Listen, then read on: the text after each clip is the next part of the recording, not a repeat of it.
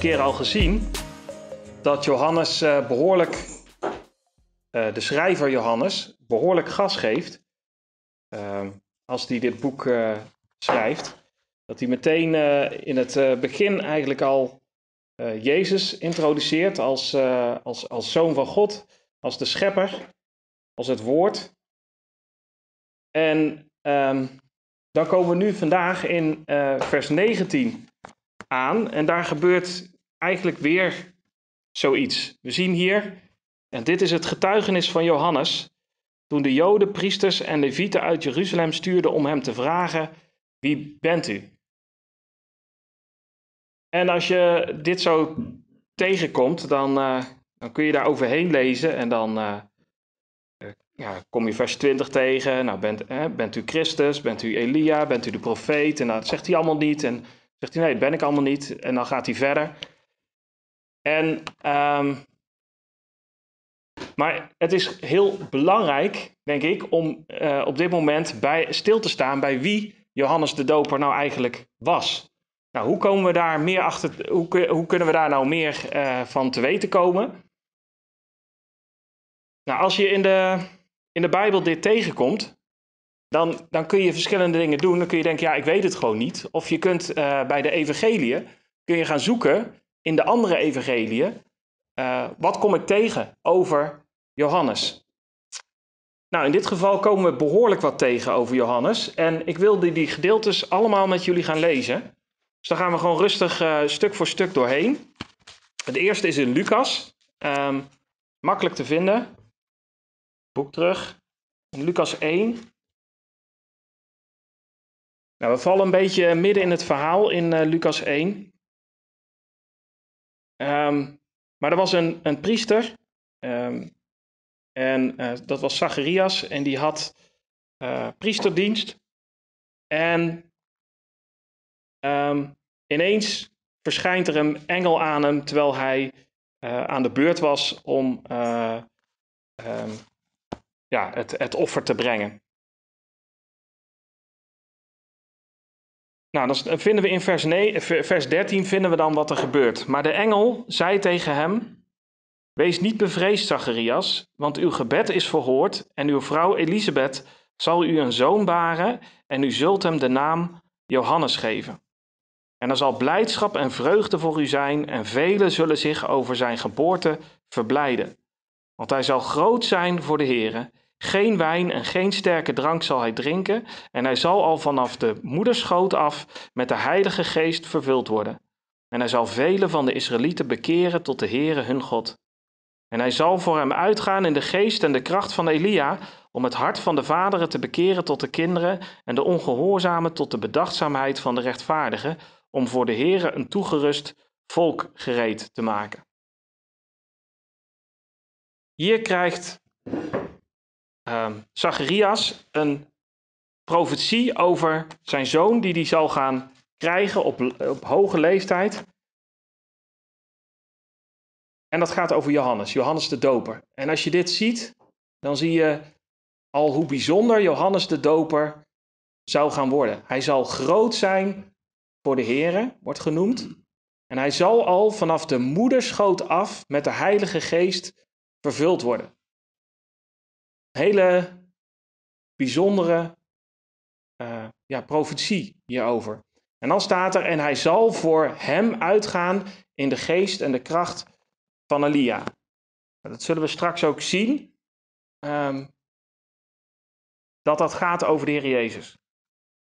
Dat hij voor de Heer Jezus uitging.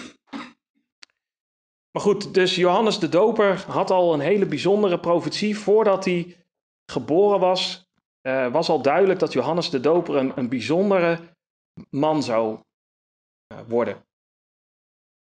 Nou, dan gaan we verder naar Lucas uh, 2, of uh, Lucas 1, vers 39. Maria heeft ondertussen heeft ze al een, um, een profetie gehad van dat zij zwanger zal worden van de Heilige Geest en dat zij Gods zoon zou gaan baren, de Jezus. En nou, vervolgens uh, zie je dan gebeuren in vers 39. In die dagen stond Maria op en reisde haastig naar het bergland, naar een stad van Juda. En zij kwam in het huis van Zacharias en groette Elisabeth. Dit is dus de Zacharias waar we het net over hadden. En toen Elisabeth de groet van Maria hoorde, gebeurde het dat het kindje opsprong in haar schoot. En Elisabeth werd vervuld met de Heilige Geest.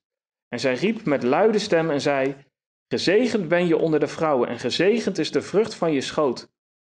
Waaraan heb ik dit te danken dat de moeder van mijn Heere naar mij toekomt? Want zie, toen het geluid van je groet in mijn oren klonk, sprong het kindje van vreugde op in mijn schoot. En zalig is zij die geloofd heeft, want wat haar van de kant van de Heere gezegd is, zal volbracht worden.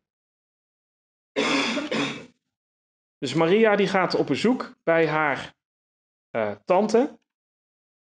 En um,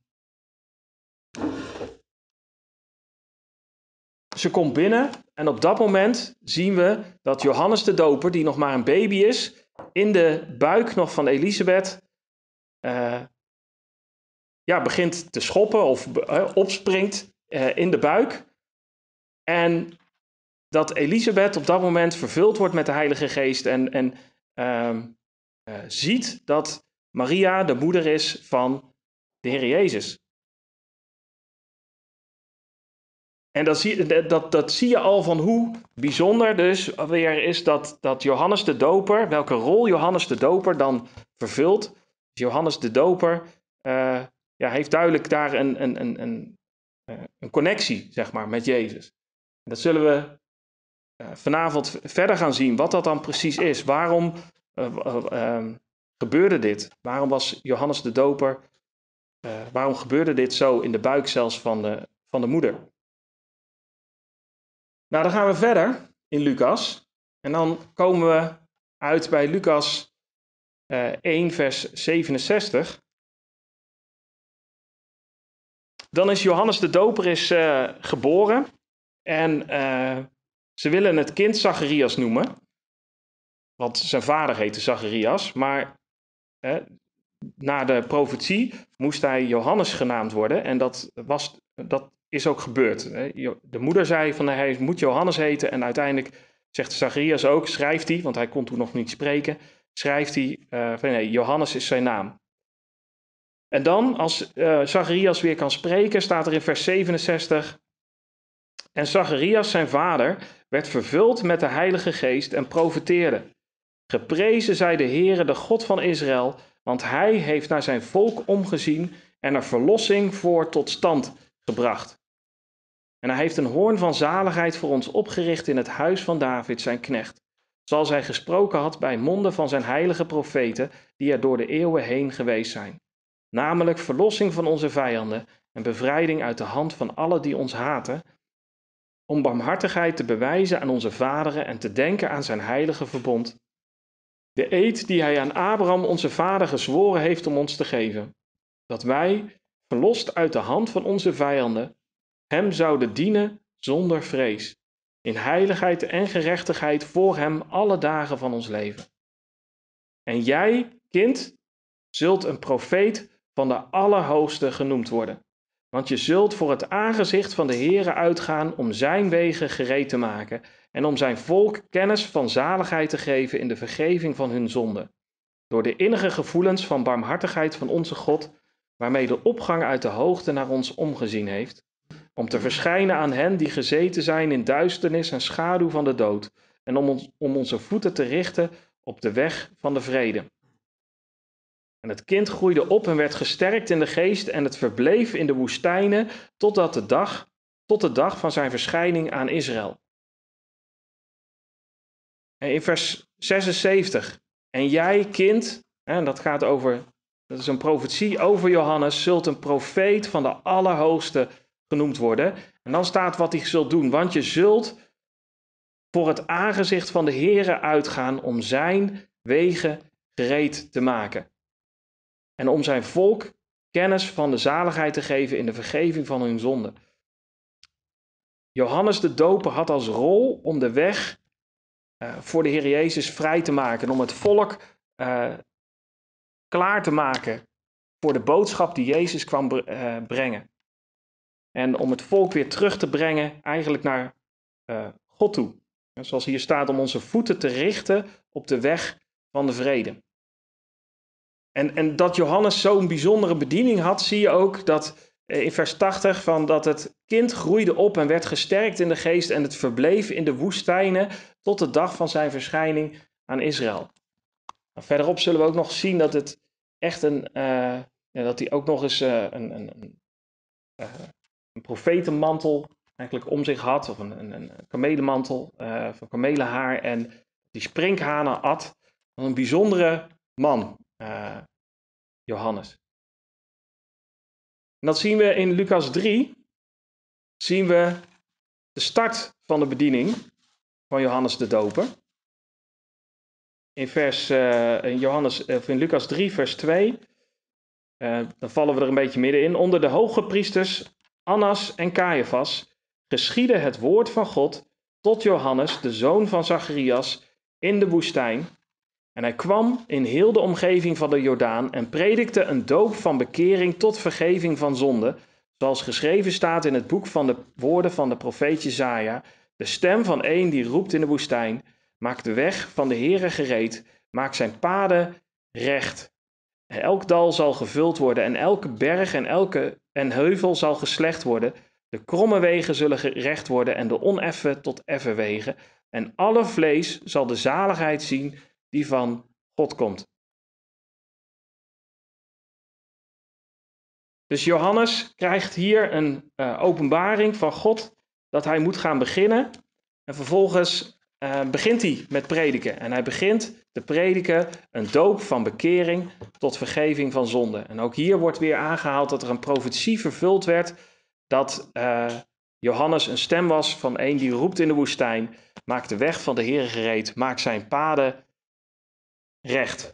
Dus Johannes was een wegwijzer. In Matthäus vinden we er ook nog wat bij staan. Dus dan gaan we ook even lezen. Matthäus 3.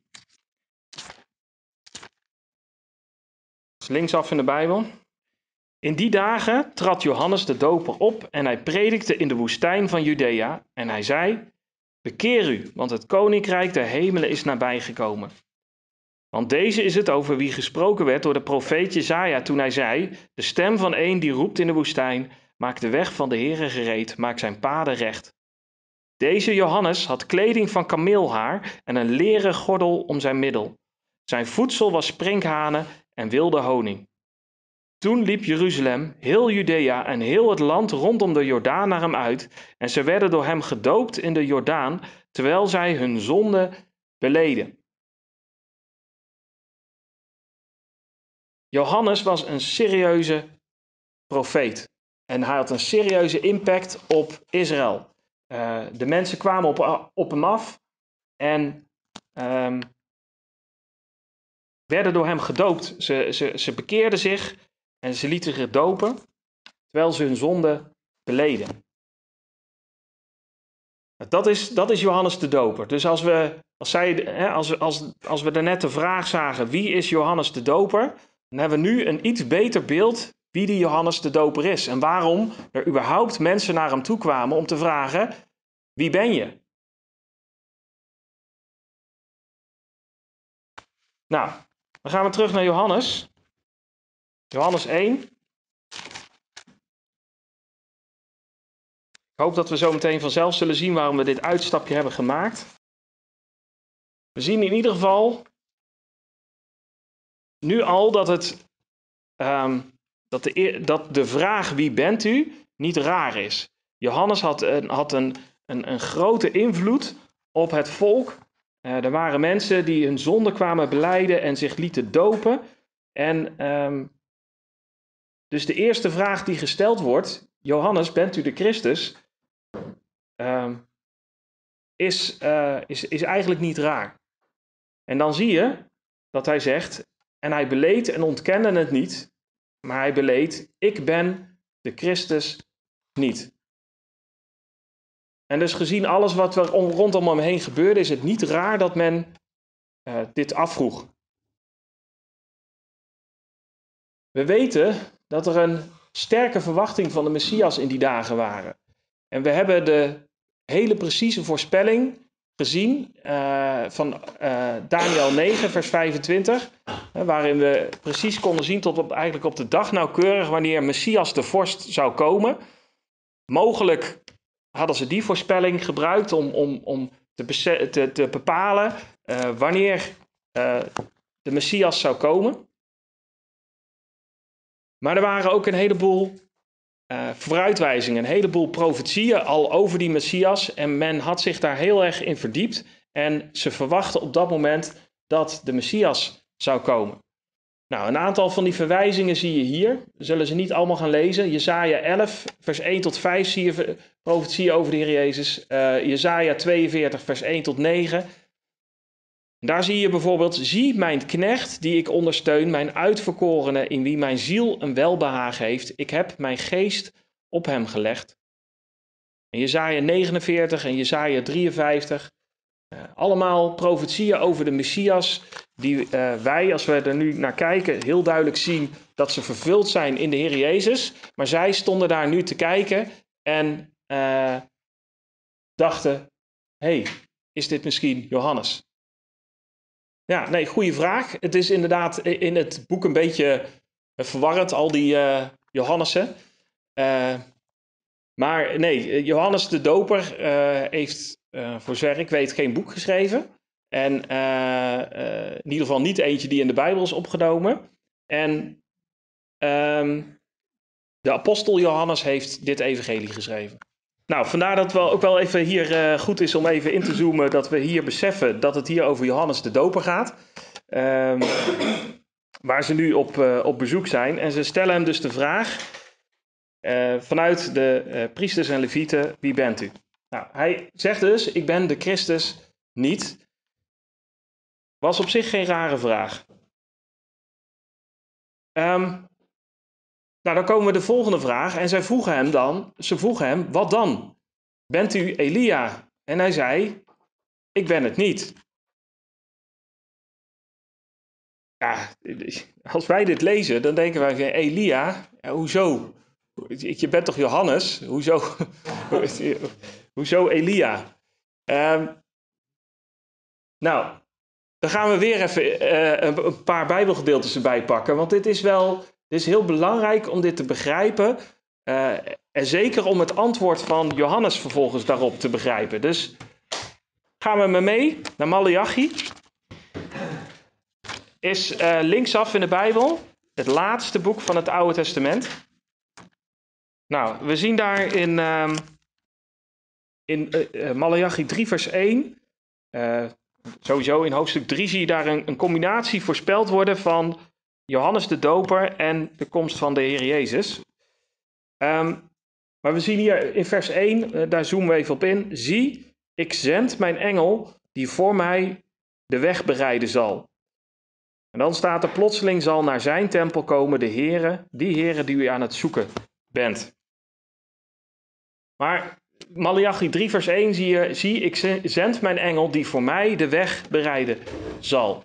En dan in uh, Malachi 4, vers 5 en 6,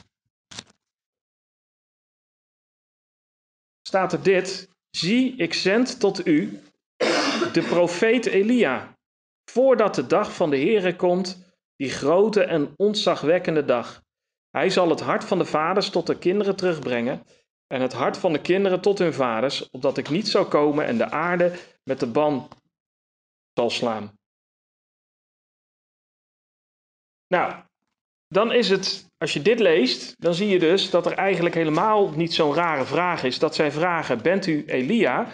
Want zij kenden Malachi ook en zij verwachten, voordat de Messias zou komen, verwachten ze Elia.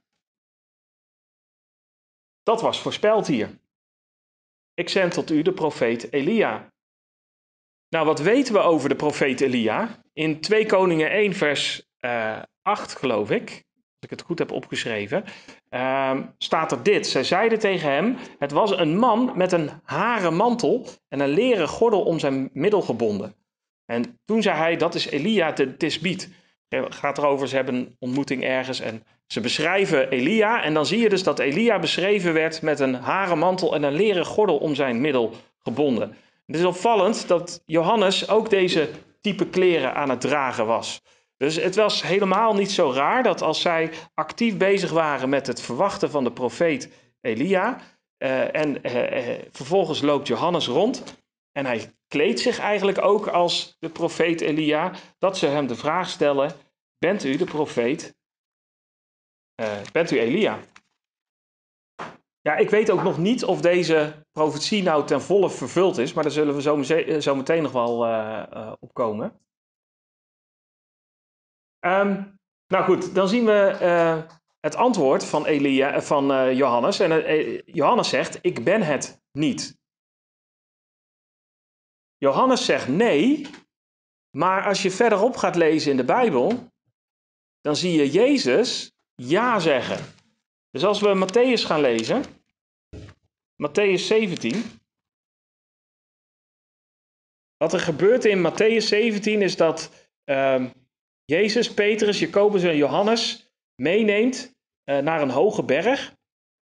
En dan uh, wordt Jezus verheerlijkt. Zijn, hè, zijn gezicht straalde als de zon en zijn kleren werden wit als het licht. En zie aan hen verschenen Mozes en Elia, die met hen spraken. Nou, dan wil Petrus wil een tent op gaan zetten voor, uh, voor de Heer Jezus en voor Mozes en voor Elia. En dan komt daar die uitspraak: Dit is mijn geliefde zoon in wie ik mijn welbehagen heb. Luister naar hem. En dan komen we in uh, vers 10. Als ze afdalen weer van de berg, vragen zijn discipelen hem dit. En zijn discipelen vroegen hem: Waarom zeggen de schriftgeleerden dan dat Elia eerst moet komen? En Jezus antwoordde en zei tegen hen: Elia zal wel eerst komen en alles herstellen. Ik zeg u echter dat Elia al gekomen is en ze hebben hem niet erkend, maar ze hebben met hem gedaan alles wat ze wilden. En zo zal ook de zoon des mensen door hen leiden. En toen begrepen de discipelen dat hij tot hen over Johannes de doper gesproken had. Wat we hier zien, wat de Heer Jezus zegt, is dat Johannes dus wel degelijk een vervulling was van de belofte in Malachi 4, vers 6. Maar we hadden ook gezien in de, um, in de profetie die Zacharias had uitgesproken, uh, of die de engel had uitgesproken over um, Johannes, dat het in de geest en de kracht van zou zijn. Dus niet zoals de schriftgeleerden er naar vroegen. Nou, ben jij fysiek, hè? ben jij echt, ben jij Elia? Uh, dus het lijkt erop dat Johannes nee zegt, niet omdat hij niet weet wat zijn bediening was. Niet dat hij niet wist dat hij de vervulling van die belofte was, maar dat, uh, dat het niet zo was op de manier zoals zij er nu naar vroegen. En dat uh, hij wilde voorkomen dat men de aandacht op hem zou gaan richten, terwijl hij als bedoeling had, zijn roeping was om te wijzen naar Jezus. En zelf denk ik dat deze belofte nog verder vervuld gaat worden. Uh, als we bijvoorbeeld verder kijken naar Openbaring 11, zie je de twee getuigen optreden. En opvallend, hier in de verheerlijking op de berg, zie je dat Mozes en Elia uh, hier uh, bij zijn, bij de verheerlijking op de berg. En dat als je in Openbaring 11 gaat kijken naar de, de twee getuigen die optreden, dat dat specifieke krachten en rollen zijn die die twee getuigen vervullen, die toegeschreven worden aan Mozes en Elia. Uh, uh, Mozes um, en eh, Elia's wordt specifiek daar genoemd met het, het, dat, de, uh, dat hij de hemel zal sluiten voor de regen. En dat er dus geen regen zal vallen. En dat, dat is precies ook het wonder wat Elia deed um, in, tijdens zijn optreden hier op aarde. Dus ja, ik, in ieder geval, Johannes zegt nee, uh, maar Jezus legt wel uit, nee, hij, hij is het wel echt. Hij is die vervulling geweest. En uiteindelijk heeft, is Johannes de Doper, hè, heeft, het, heeft het met zijn leven moeten bekopen. Zijn hoofd is eraf gehakt. Um, en Jezus zegt van ja, maar zo zal ook de zoon des mensen gaan lijden. Ja, dat, was de voorspelling die we als eerste hadden gelezen in uh, Lucas 1, vers 17. Ehm, oké, maar ja, we zijn nog maar bij het, het tweede, tweede vers van vandaag. En ze blijven maar vragen stellen. Nou, hij zegt nee, ik ben Elia niet. Maar de volgende vraag is, bent u dan de profeet? En weer zegt hij nee.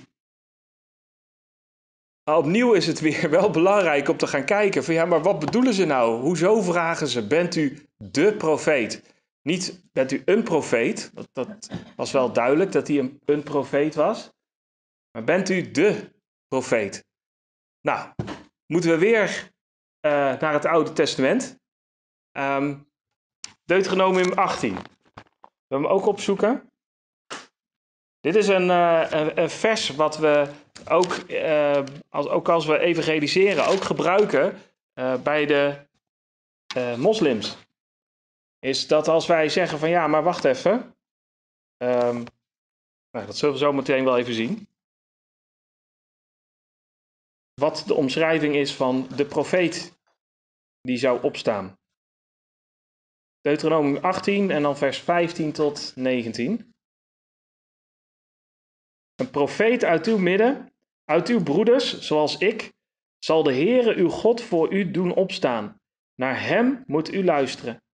Overeenkomstig alles wat u van de Heere uw God bij de Horeb gevraagd hebt op de dag dat u daar bijeenkwam, toen u zei: ik wil de stem van de Heere mijn God niet langer horen en dit grote vuur wil ik niet meer zien, anders zal ik sterven. Toen zei de Heere tegen mij, het is goed wat zij gesproken hebben. Ik zal een profeet voor hen doen opstaan uit het midden van hun broeders, zoals u. En ik zal mijn woorden in zijn mond geven en alles wat ik hem gebied, zal hij tot hen spreken. En met de man die niet naar mijn woorden luistert, die hij in mijn naam spreekt, zo zal het zijn. Ik zal rekenschap van hem eisen.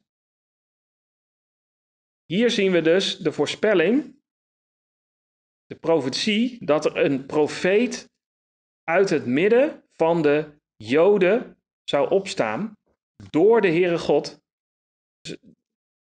En dat het volk van Israël naar hem moest luisteren. Daar zie je ook al misgaan wat er gebeurde toen de Heer Jezus kwam en zichzelf openbaarde, uh, aan het uh, spreken was tegen de Joden, dat ze niet naar Jezus luisterden. In ieder geval velen ervan luisterden niet naar Jezus. Enkele uh, wel, maar zij kregen hier de opdracht om naar die profeet te moeten luisteren. En dan staat er: Ik zal mijn woorden in zijn mond geven en alles wat ik hem gebied, zal hij tot hen spreken. En met de man die niet naar mijn woorden luistert, die hij in mijn naam spreekt, zal het zo zijn, ik zal rekenschap van hem eisen. Ja, wat ik al zei, uh, een profeet uit het midden, uit uw broeders.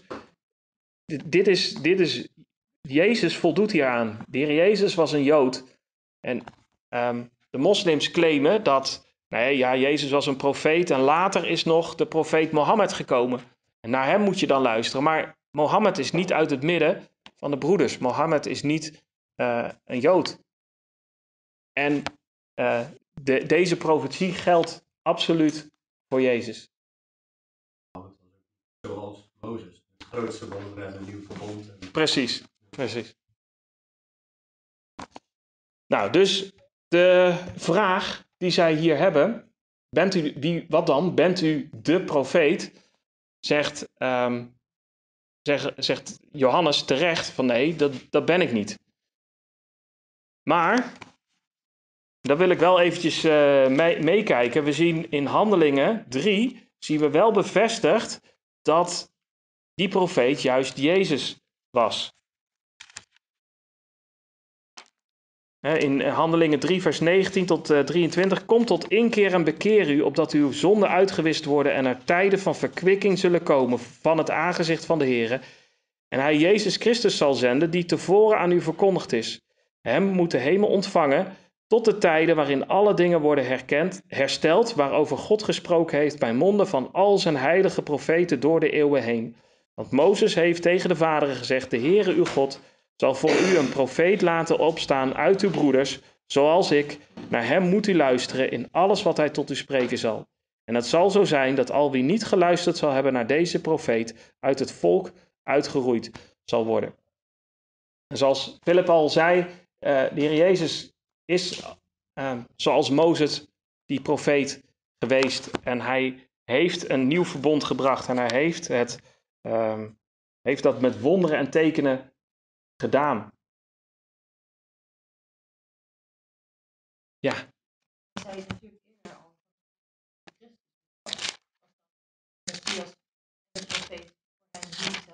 Ja, waarschijnlijk uh, wisten, dat, dat, wisten zij niet. Ze wisten niet dat het één persoon zou zijn. Vandaar ook de, de, de vraag uh, drieledig. Ja, en nu weten wij dat het wel één persoon is geweest. Ja.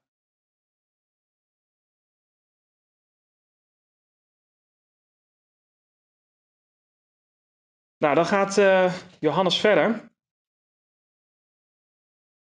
Zij, uh, of ja, dan weer het, het, evangelie van Johannes gaat verder. Zij zeiden dan tegen hem, wie bent u?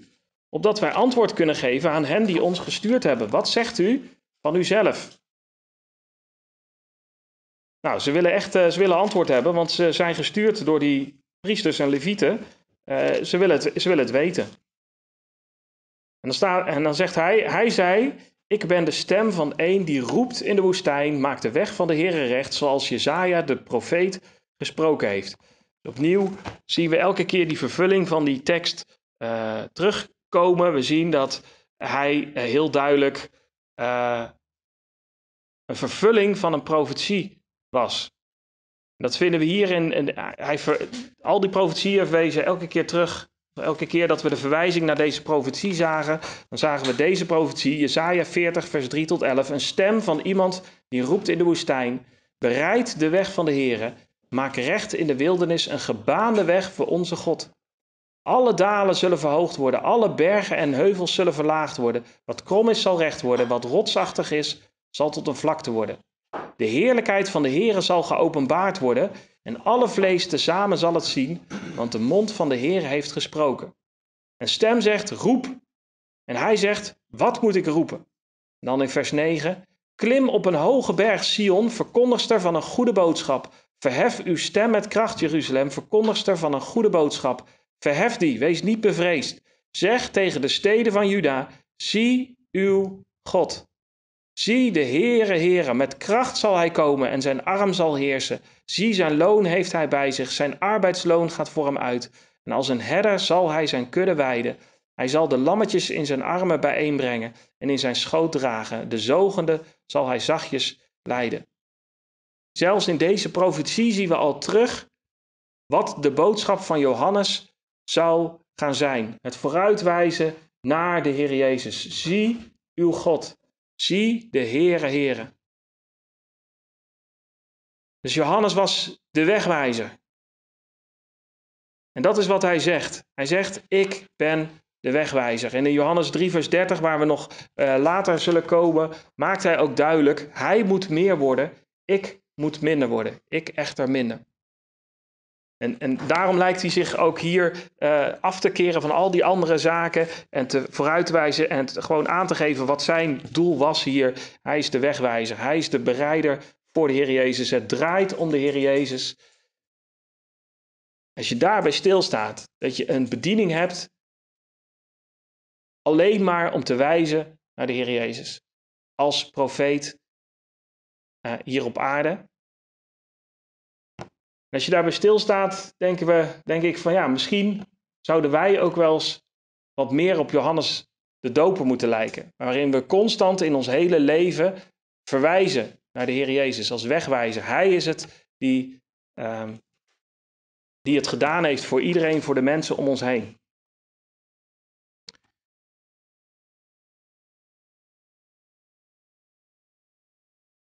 Dan zien we in vers 24, en zij die gestuurd waren, behoorden tot de fariseeën.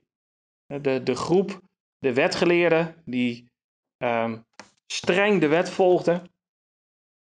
Er ook nog een heleboel wetten bij verzonnen hadden. Die ze allemaal nauwkeurig wilden houden en probeerden te houden. Waar Jezus voortdurend mee gestreden heeft met die fariseeën.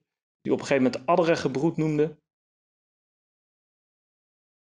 Die fariseeën, die vragen vervolgens hem, waarom doopt u dan, als u de Christus niet bent en Elia niet en evenmin de profeet? Dus ja, wat je hier ziet is dat ze eigenlijk nu zijn boodschap negeren en lijken de aanval in te zetten. En hij zegt van ik ben, een, ik ben een wegwijzer, ik ben een vervulling van een profetie. En zij stappen hier gewoon bam eroverheen en zeggen, nou ja, als jij de Christus niet bent, Elia niet en ook die profeet niet, nou waarom doopt u dan?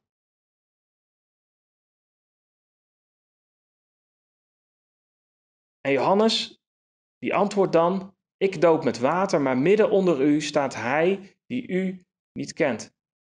Volgens mij is dit een vernietigend antwoord van Johannes aan hun, van jongens, jullie kennen hem niet. Jullie weten hem niet, Um, en hij verwijst hier daarnaar naar zijn eigen doop. De doop van Johannes was een doop van bekering. En we zien later ook dat hij zegt van, dat Jezus met de Heilige Geest zou dopen. Dus in alles was hij een wegwijzer.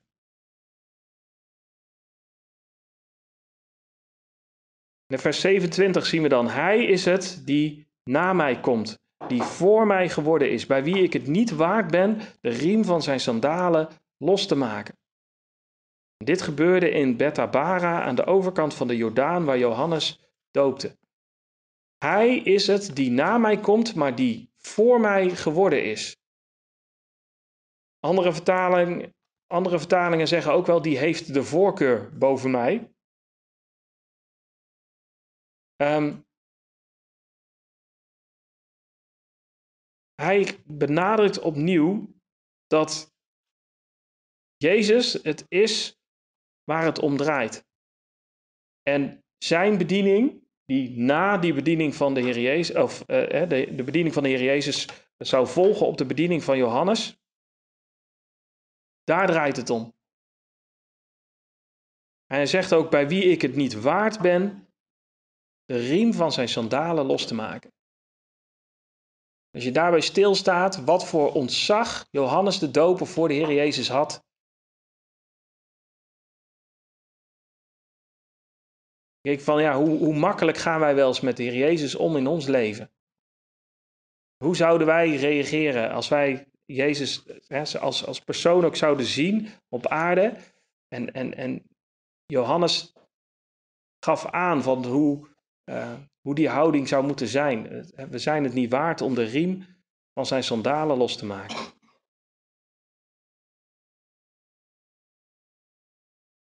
Nou, dan zien we meteen al iets gebeuren. Dan staat er de volgende dag in vers 29.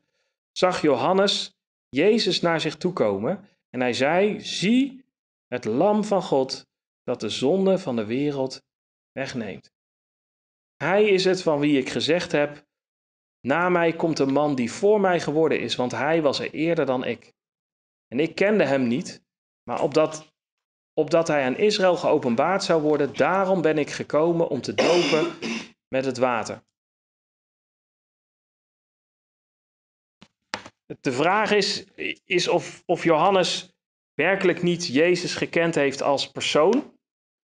Uh, ondanks het feit dat Johannes natuurlijk heel erg in de woestijnen heeft geleefd. Uh, ze waren wel verwant met elkaar. Maar het feit dat hij hier zo nadrukkelijk zegt: uh, Ik kende hem niet, lijkt te wijzen op het feit dat hij nog niet de bediening, uh, dat hij nog niet van God bevestigd had gekregen dat Jezus de Messias was op dat moment. Die misschien wel wist van, ja, dit is een, Misschien wist hij het wel in zijn hart, misschien voelde hij er wel iets, Maar ehm, ja, hij had dus nog niet die openbaring van de uh, geest gehad. En dat, zullen we ook, dat zien we ook in een ander uh, gedeelte uh, waarin dit beschreven wordt. Dat zien we in Matthäus 1 namelijk terugkomen, want dit lijkt te gebeuren, wat we hier in Matthäus 1 zien, lijkt precies hier in tussen, Matthäus 9, of, tussen Johannes 29, vers, vers 29, 30 en 31 te gebeuren. Daar wordt namelijk gesproken over de doop van de Heer Jezus. Toen kwam Jezus van Galilea naar de Jordaan in, Matthäus 1, vers 13, naar Johannes om door hem gedoopt te worden. Maar Johannes wilde hem hiervan weerhouden en zei: Ik heb het nodig door u gedoopt te worden. En komt u naar mij? Maar Jezus antwoordde hem en zei: Laat het nu gebeuren, want op deze wijze past het ons alle gerechtigheid te vervullen. En toen liet hij het hem toe. En nadat Jezus gedoopt was, kwam hij meteen op uit het water en zie, de hemelen werden voor hem geopend en hij zag de geest van God als een duif neerdalen en op zich komen.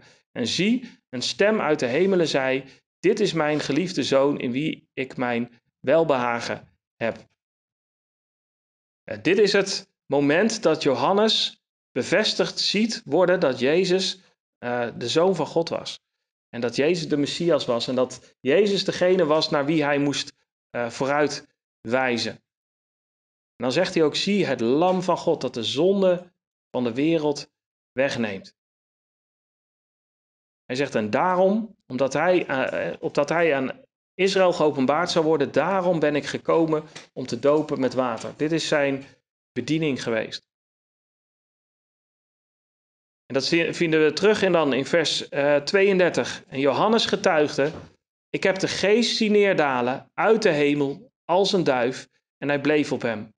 En ik kende hem niet, maar hij die mij gezonden heeft om te dopen met water, die had tegen mij gezegd, dat was zijn openbaring geweest, op wie u de geest zult zien neerdalen en op hem blijven, die is het die met de Heilige Geest doopt. En ik heb gezien en getuigd dat hij de zoon van God is.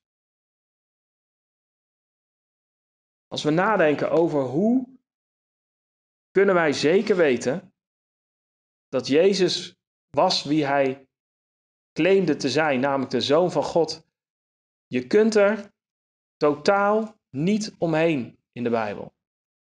Zelfs vooruit, er was een vooruitwijzend, uh, allerlei profetieën. Vervolgens was er zelfs een, een, een, een man die uh, met een complete bediening had, vlak voordat Jezus uh, zijn bediening ging doen, die alleen maar vooruitwees constant naar de Heer Jezus als, als, als na een, een periode van uh, eh, 400 jaar stilte aan, aan profetie, nog even de laatste profeet die ging verwijzen naar Jezus, de Messias, die er was voor Israël.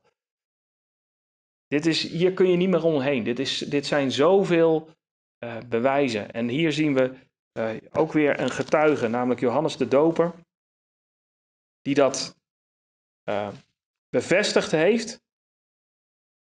En um, Johannes, weer de, de, de, de, de apostel, die dit zo heeft opgeschreven en heeft laten zien van ja, maar wacht even, dit is niet zomaar gebeurd. Er is een, een iemand geweest met een complete bediening, Johannes de Doper, die uh, vooruitgewezen heeft voortdurend naar de Heer Jezus. En wat we in, in vers 30 ook nog even zagen, dat Johannes de Doper ook erkende, want hij was er eerder dan ik. Hij kan daar niet verwezen hebben naar de geboorte van de Heer Jezus, want Johannes was eh, eerder geboren dan de Heer Jezus. Dus hij verwijst hier naar het eeuwige van wie de Heer Jezus uh, was. Namelijk de Zoon van God, God zelf.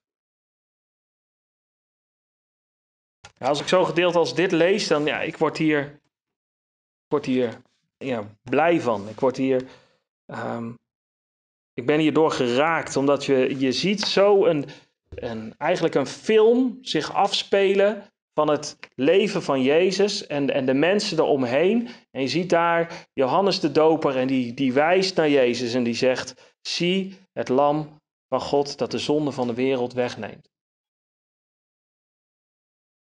En volgende keer dan, dan gaan we zien wat voor effecten dat heeft op mensen. Als, als, ze, als ze gewezen worden naar de Heer Jezus. eh, en wat er dan gebeurt in hun leven. En dat ze gewoon bam alles achterlaten en achter Jezus aangaan.